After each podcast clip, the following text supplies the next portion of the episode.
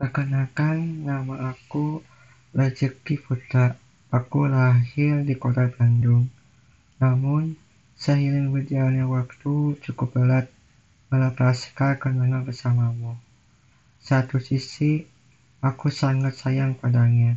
Tak mengapa setelah aku pindah ke salah satu tempat untuk menenung, tiba-tiba saja tanpa sengaja aku bertemu seorang pantan terindah. Pada saat itu, aku masih bersama seorang perempuan bernama Ella Safitri. Aku benar-benar merindukannya. Namun, dirinya malah berpaling ke laki lain. Dan buatku yang heran adalah kenapa pilih laki lebih ganteng dari aku. Jadinya aku merasa insecure, apalagi pada saat bersama, mengapa Ella malah membela laki yang bukan pacarnya.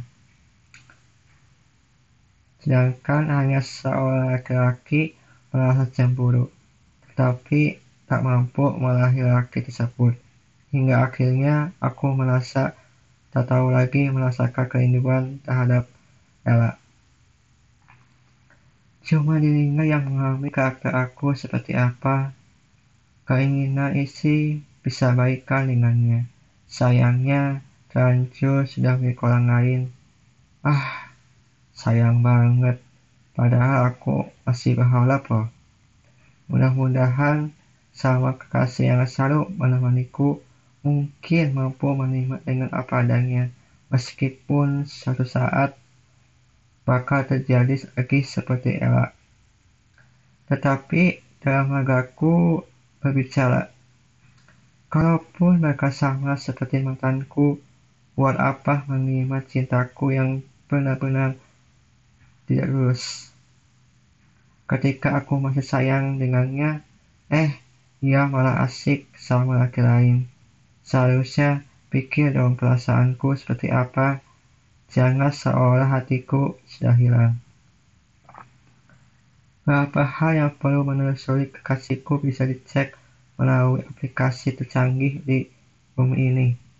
Namun, apakah ia bakal tahu juga kalau aku pakai alat canggih itu? Kurasa Iya. Kenapa? Karena kekasihku sangat terhari dalam prospek teknologi, apalagi zaman sekolah, malah juara pertama. Bayangkan saja, juara pertama.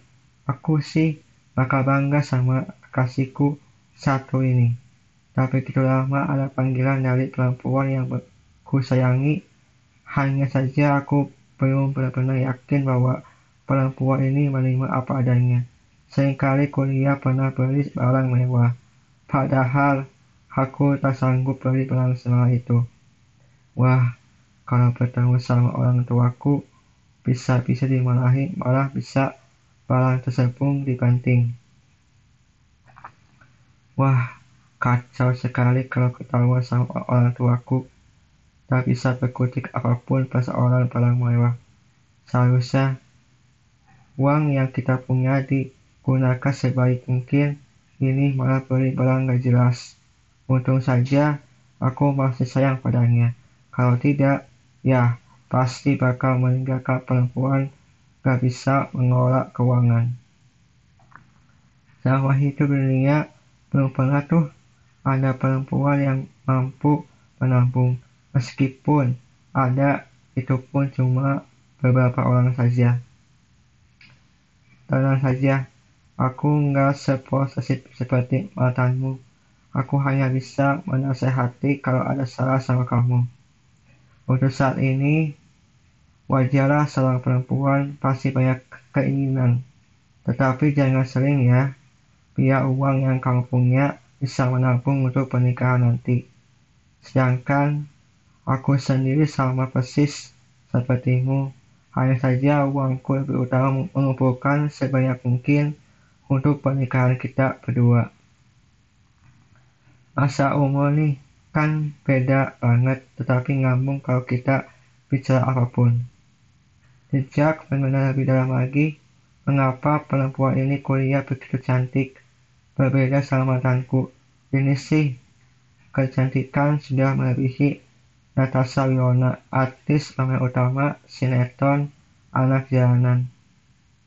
Bayangkan saja, aku pun sempat suka padanya.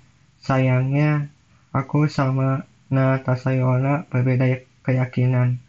Tetapi sekarang sudah ada penggantinya, yaitu kamu. Wanita cantik ketemunya melalui sosial media. Semoga saja hubungan kali ini langgeng sampai pernikahan nanti. Insya Allah, aku siap menampung buat pernikahan terserah konsepnya mau seperti apa. Aku siap 100% mendukung, asalkan sesuai sama budget. Nanti sisa bisa menabung kembali. Mudah-mudahan saja uangnya bisa dipakai untuk biaya sekolah anak nanti. Kita harus yakin dong sama keputusan yang telah dibuat. Jangan sampai di tengah jalan bingung mau keputusan yang mana. Setidaknya ada keyakinan bahwa kita mampu menabung. Oh ya, hampir lupa. Nama pacarku sekarang adalah Neng Putri Ulandari. Uh, namanya juga siapa bagus, apalagi menjalani hubungan sama aku. Pasti akan setia sampai pernikahan. Walau masih ada keraguan, dan masih trauma sama mantanku. Kirain bakal setia sama aku, eh ternyata malah selingkuh di belakangku.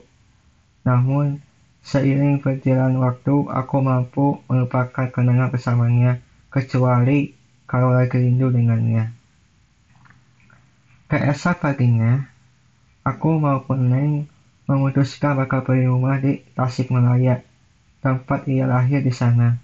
Tapi aku nggak bisa bilang ke semua orang mengenai harga rumahnya berapa. Nanti ada netizen sok paling suci. Allah, palingnya uang dari orang tua mereka. Mana mungkin punya sebanyak itu. Apalagi kedua terlalu pamer bahwa sudah punya rumah dengan jumlah besar. Ketik netizen di sosial media. Eh, para netizen, yang kau lihat itu bukan uang orang tua kita, melainkan uang kita sendiri. Mana rega aku minta kepada orang tua. Yang ada malah beliau merasa stres keinginan anak sendiri. Apalagi orang tua Neng lebih kejam dari ibu tiri. Coba deh, kalian masuk ke kehidupan kita berdua. Pasti tak sanggup diam di rumah dengan uang nggak ada. Beuh, Pasti netizen berpikir untuk menghina, makanya komentarnya jangan terlalu pedas. Bagaimana pasti kena mental? Iyalah, masa enggak? Pada saat buka handphone, ada notifikasi dari seorang laki-laki yang bernama Udi. Waduh, ini siapa lagi? Coba-coba ingin merusak hubungan kita berdua. Kalau ketemu sama aku, dia Tak segan-segan bakal memukul sahabat bodoh.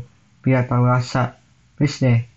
Para laki di luar sana, jangan pernah mengganggu hubungan kita berdua. Kalau sampai ketawa sama aku, sama geng motor, seluruh Indonesia bakal bertengkar yang bernama Rudi. Terus, kumpulan galin banget. Untung saja Neng tidak balas pesan dari laki tersebut. Benar-benar deh. Kekasihku sangat setia sekali bersamaku. Padahal kulihat isi DM Instagram banyak pesan dari para laki rasa playboy. Hmm, pada saat sedang main handphone, punya kasihku akhirnya datang mengambilku sambil bawa minum teh foto sosok. Ini mah minuman favoritku, mantap jiwa. Kekasihku tahu betul kesukaanku perempuan yang sama ini ku cari walaupun terlambat. Tetapi aku sangat bersyukur atas Allah berikan jodoh pengganti.